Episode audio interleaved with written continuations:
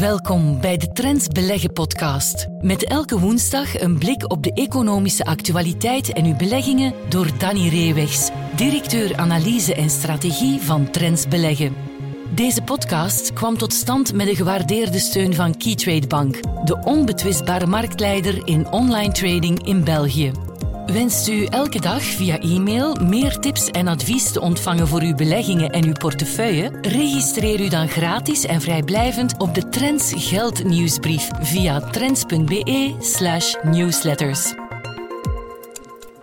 Welkom bij de podcast van Trends Beleggen. Aan het einde van de aflevering zal hoofdeconoom van Keytrade Bank Geert van Herk zijn kijk nog meegeven op de beursactualiteit van de afgelopen weken.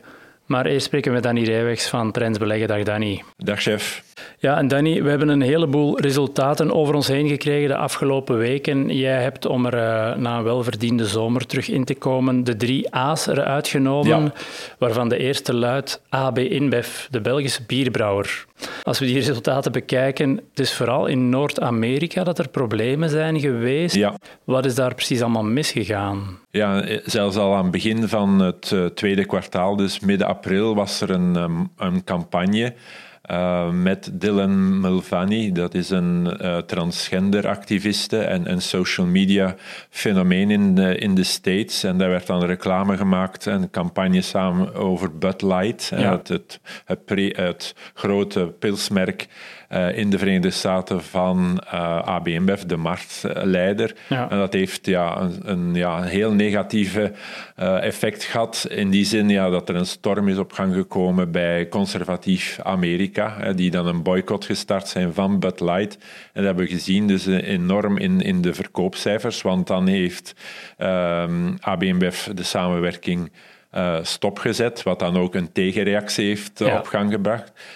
Om een lang verhaal kort te maken, dat zal in de geschiedenisboeken komen als een van de grote uh, blunders in, in marketing van de jongste jaren. Uh, want dat heeft geleid tot een omzetdaling in, in de Verenigde Staten van meer dan 10 procent. Door daling, dalende cijfers voor Bud Light van 25, 30 procent in de verkoop. Ja. En dat heeft geleid, want dan heeft ABF moeten reageren met meer uitgaven aan marketing, aan reclame, om, om die verkopen toch te ondersteunen, uh, heeft dat geleid tot een daling van de bedrijfskaststroom, dus de EBITDA in, Noord, in de Verenigde Staten van 28% op jaarbasis. Dat is wel gigantisch. En uh, ja, Amerika is wel een heel belangrijke markt voor ABM, ook een zeer rendabele markt. Dus dat was een zeer pijnlijke affaire. Ja, uh, serieuze rekening voor een marketingblunder. Uh, maar zoals je zegt, je hebt Amerika, anderzijds is wereldwijd actief.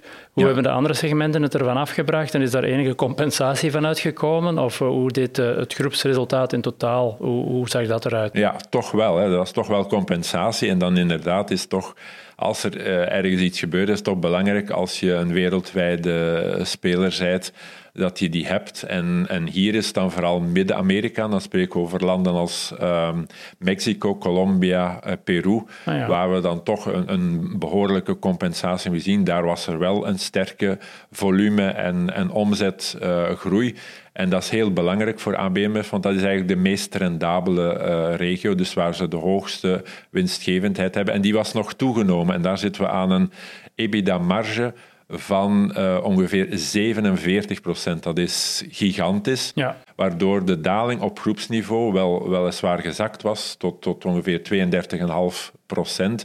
Maar de markt was uitgegaan van een daling tot 30,8 procent. Okay. En die regio, Midden-Amerika, is nu ook in omzet en dus ook in EBITDA-termen nu de belangrijkste binnen de groep. Heeft uh, Noord-Amerika, dus vooral de Verenigde Staten, kunnen aflossen. En zo is de schade toch wel meegevallen. Er was wel een, dalen, een volumedaling uh, autonoom uh, van 1,4 procent. Dat was iets meer dan verwacht, maar het resultaat door het uh, grotere gewicht van Midden-Amerika is dan toch wel overeind gebleven. Ja, want die schade in de VS, hebben we daar enig zicht op of die tijdelijk is of niet? En, en zo ja, moeten wij, of hoe kijk jij dan naar dat aandeel van AB InBev als, als je daarmee rekening houdt?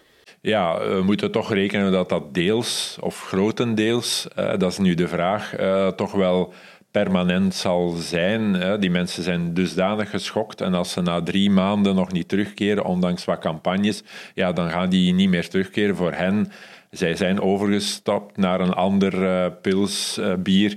En ja, die gaan niet meer terugkomen. Dat is, ja, dat is toch wel een, een fundamentele zaak. Dus dat gaat jaren duren in elk geval ja. om die schade te kunnen beperken en dat uh, voor een stuk te kunnen compenseren.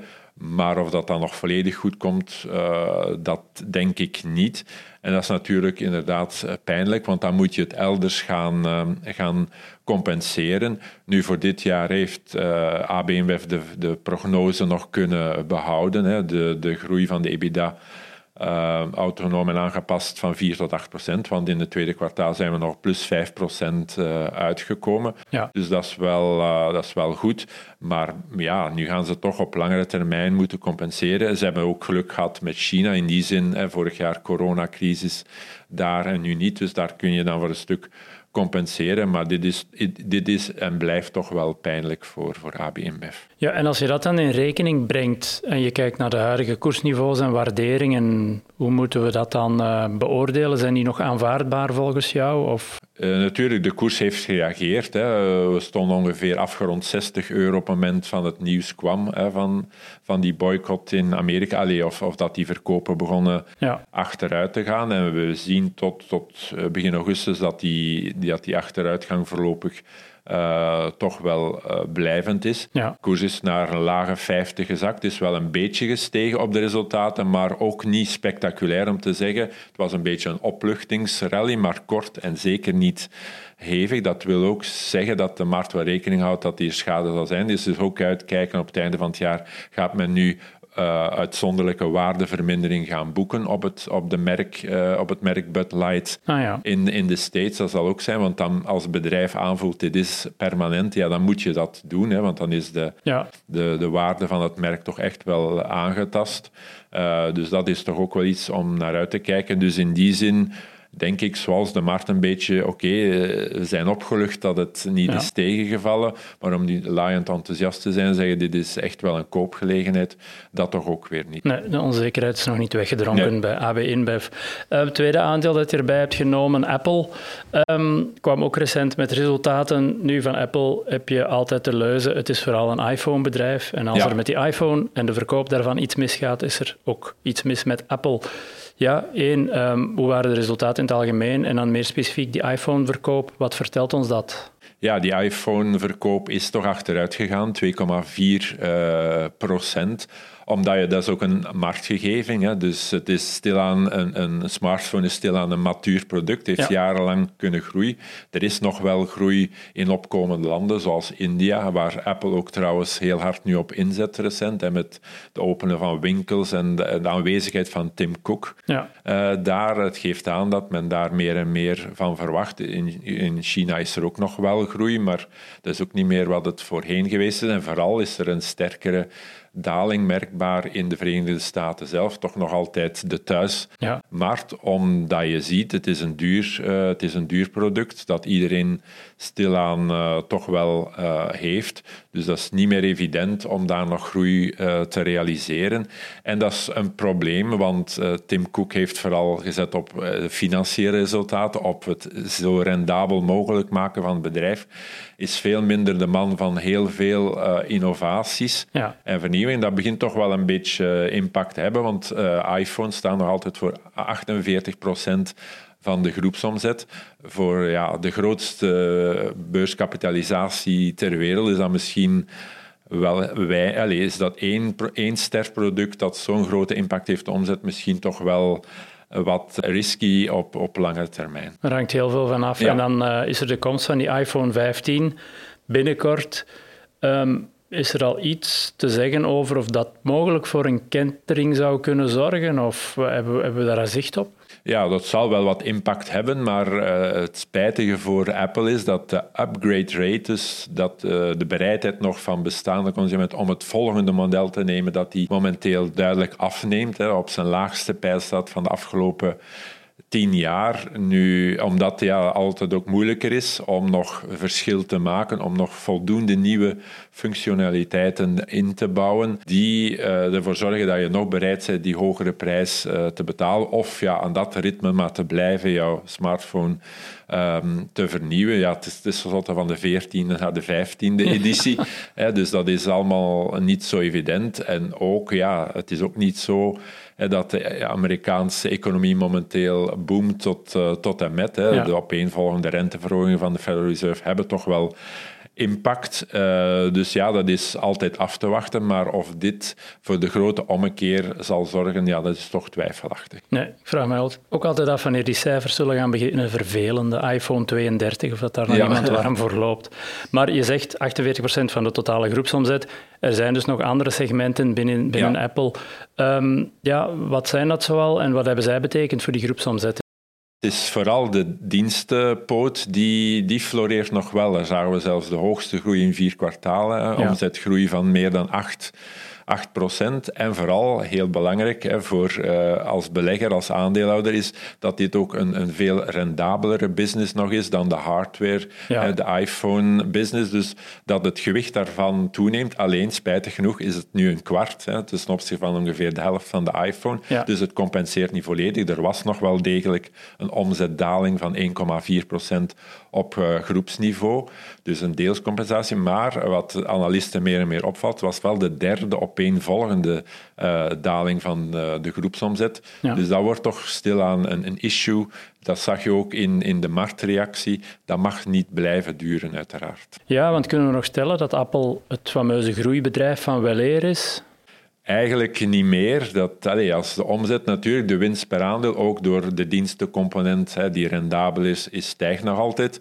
Maar ja, uh, is natuurlijk ook uh, zeer hoog gewaardeerd het aandeel van Apple, grootste beurskapitalisatie ter wereld. Ja, dan wil de, dit kan nog even duren, maar uh, ja, dat moet toch wel uh, veranderingen komen. En je hebt gewoon gezien in reactie op deze cijfers dat er sprake was van winstnemingen. Hè. We zijn ondertussen ongeveer een 10% onder de piekkoers. Dus ja, je ziet toch wel dat beleggers en analisten zich wat beginnen in de haren te krabben van ja, is dit nog wel allemaal verantwoord? Ja, het lot van het lot van de gevestigde waarden.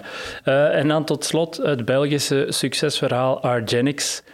Um, ja, ik lag toen te slapen op een Spaans strand, maar ergens midden juli schiet die Argenix-koers met zo'n 30% omhoog. Wat is er toen gebeurd? Ja, dat is omdat de markt eigenlijk maanden en maanden, zeker analisten, te wachten zaten op die klinische resultaten voor CIDP, de vierde indicatie uh, van, uh, voor Vivgaard, hè, hun wondermiddel, hun stermiddel zal ik uh, maar zeggen.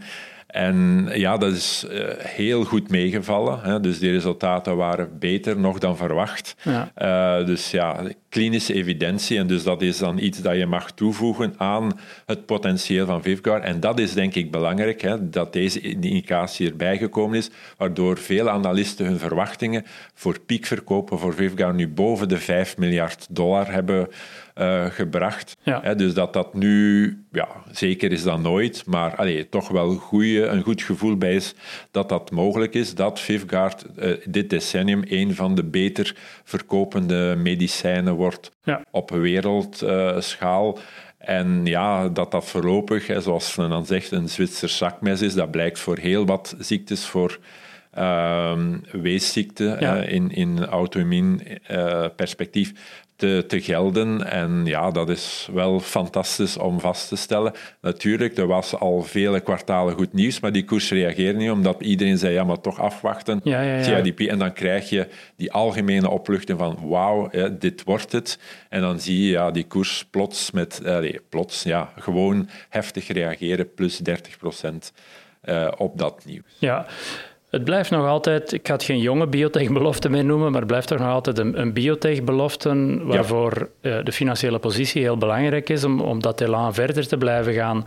Hoe staat het er financieel voor met, uh, met Argenix? Heel goed, want dat heeft het bedrijf ook uh, heel, heel goed gedaan in de loop van uh, zijn bestaan. Dat is, als er goed nieuws was, om dan telkens te gaan bijtanken. Ook al was de financiële nood niet meteen aanwezig, maar altijd voldoende middelen te hebben om uh, hun ambities op klinisch vlak om die uh, verder te ondersteunen. Heeft men opnieuw gedaan, wat ook een teken van vertrouwen is van kijk, we geloven nu voluit in, in de toekomst en we willen naast Swiftguard ook verder die pijplijn uitbouwen. We zien bijvoorbeeld Argenix 117, dat is wat onder de radar gebleven. Eerder dit jaar had ook al goede resultaten, heel beloftevol. Mm Het kan eventueel een tweede Vivgaard worden. Natuurlijk is het heel vroeg om dat te stellen, maar het is zeker niet uh, uitgesloten. En dan voel je wel dat de markt ja, gereed blijft om Argenix te ondersteunen. Kaspositie is nu 3 miljard dollar, mm uh, wat toch uh, aanzienlijk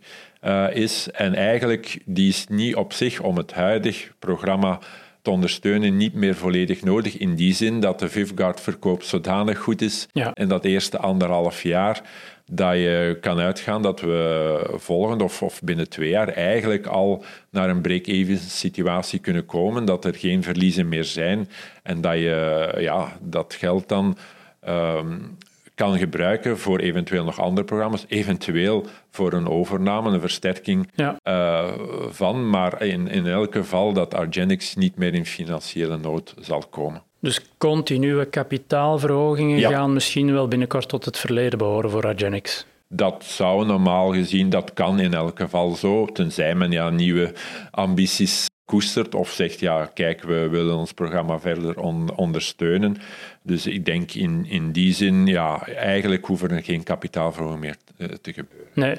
Ja, en dan tot slot de grote vraag. Uh, het is een enorm succes. Um, Kan het op eigen benen blijven staan of niet? Want uit het verleden hebben we gezien dat zulke succesverhalen nogal vaak worden opgeslokt door grotere farmabedrijven.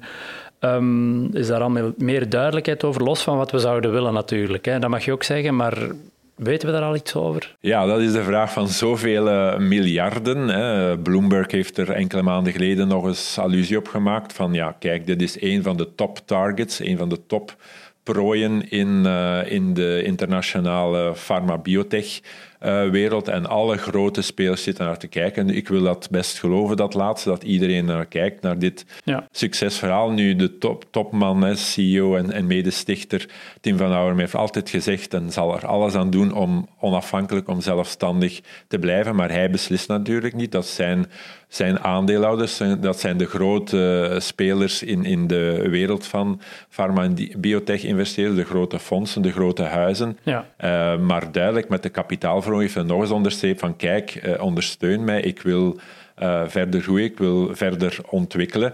Maar we zullen de komende maanden zien, want we mogen aannemen, nu de CIDP-cijfers op tafel liggen, dat dit zo'n belangrijk inflectiepunt is. Ja, als men wil doen, dan zal de kans het groot zijn dat het in de komende drie tot zes maanden ja. een of ander farmareus is het Sanofi, is het J&J, is het Novartis? Ik weet het niet. Maar eventueel komt met een uh, serieus bod en dan zullen we zien hoe de andere grote spelers daarop gaan reageren. Maar bon, we weten het niet, maar het is zeker niet uitgesloten. Maar dan nog, met al wat er gerealiseerd is en wat nog in de pijplijn zit, ja, die gaan er niet van afkomen met een bod dat 20, 30 procent boven de huidige koers ligt, vermoed ik. Dan zou je als aandeelhouder gek moeten zijn. Ja, vermoeden ook, omdat die grote spelers wel door Tim van Houten voortdurend worden geïnformeerd van wat de plannen en de bedoelingen zijn. En dat ligt ook op tafel.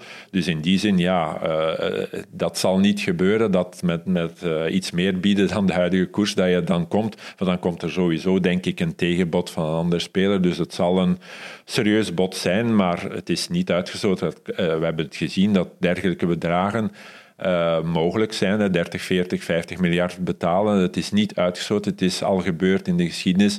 Maar natuurlijk, ja, die farmareuzen kunnen ook niet elke week bij wijze van spreken zoiets doen. Dus ze zullen er heel goed moeten over nadenken. En dat zullen ze op dit moment wel aan het doen Oké, okay. blijft spannend en blijven we opvolgen. Dankjewel voor jouw tijd en inzichten deze week. En uh, graag tot volgende keer. Tot volgende keer. Dag.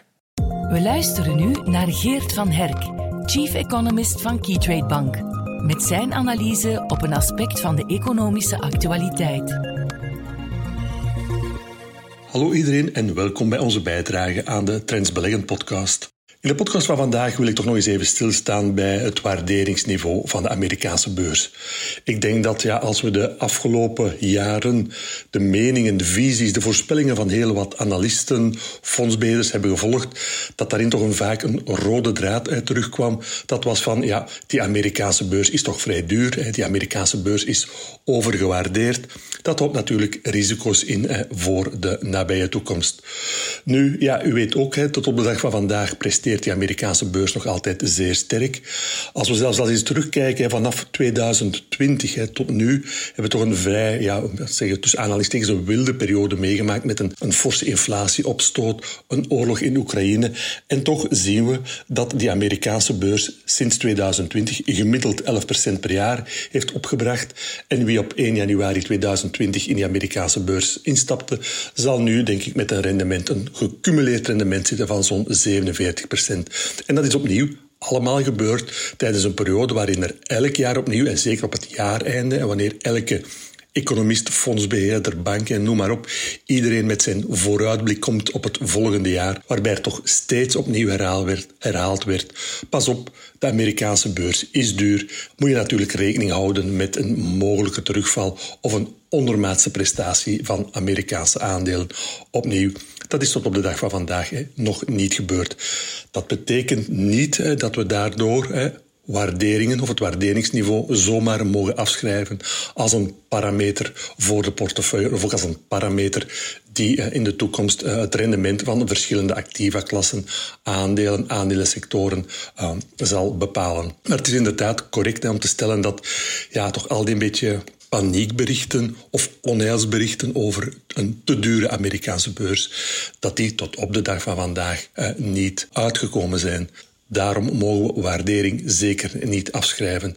Ik denk dat het misschien beter is om een beetje waardering te gaan bekijken binnen sectoren. Want als je natuurlijk over de Amerikaanse beurs spreekt en je zegt ja, de Amerikaanse beurs is op dit moment duur, wil je eigenlijk zeggen dat vooral die Amerikaanse technologieaandelen zeer duur zijn. Want die hebben een zeer groot gewicht binnen de S&P 500. En daardoor ja, wordt die index natuurlijk bepaald door de prestaties van de technologieaandelen. Maar je hebt bijvoorbeeld ook sectoren zoals bijvoorbeeld de energieaandelen, de olieaandelen binnen de S&P 500 die ja, zeer aantrekkelijk gewaardeerd zijn, maar door hun relatief beperkte gewicht in de Amerikaanse S&P 500-index ja, bepalen die natuurlijk ook niet het rendement van een belegging in de S&P 500.